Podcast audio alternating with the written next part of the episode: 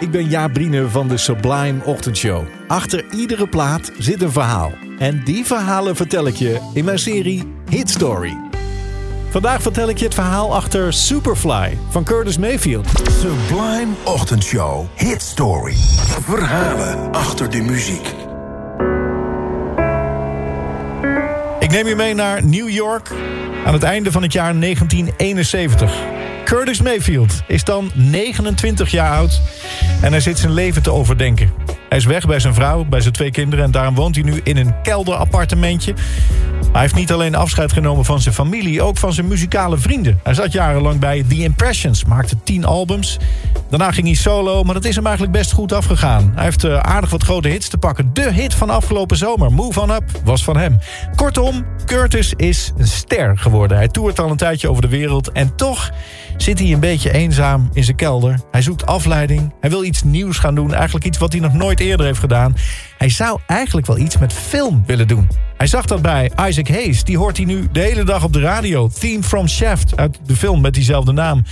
Die muziek en ook die film scoren heel erg goed. En dat zorgt er ook voor dat filmmaatschappijen wel geld zien in films zoals dat Shaft. Films voor een voornamelijk gekleurd publiek... waar zwarte acteurs de helden zijn. Blaxploitation films worden ze genoemd... met allemaal een toffe soundtrack erbij. Dat wil Curtis ook wel. Dus hij is wel blij als na afloop van een concert... twee filmmensen naar Curtis toelopen met een script in de hand. Hey Curtis, zou jij hiervoor een soundtrack willen maken? Nou, hij leest het script. Het is een script over uh, het verhaal van een drugsdealer... Youngblood Priest, zo heet hij... die eigenlijk wil stoppen en die nog één grote deal wil maken... om dat dan te kunnen betalen. Nou, Curtis wil natuurlijk graag meewerken met die film.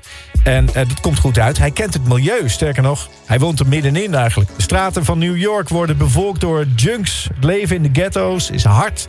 Curtis ziet de ellende om zich heen. En dat het personage van Youngblood Priest ermee wil stoppen... dat maakt het voor Curtis eigenlijk alleen nog maar interessanter.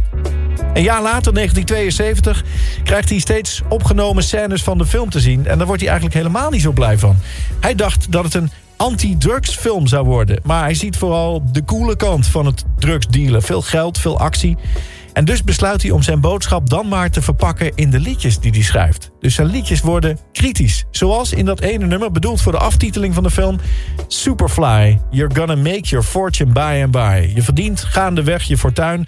Maar als je verliest, moet je ook geen vragen stellen... want het spel dat je speelt is erop of eronder. Ondertussen verwerkt hij ook nog zijn eigen leven in de tekst trouwens. Hij kijkt om zich heen in die eenzame kelder en schrijft... His mind was his own, but the man lived alone.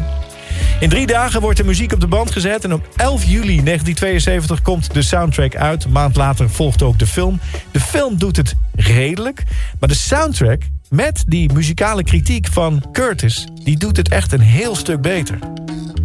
Fly, dat is in de jaren 70 zoiets als cool, zo moet je het zien...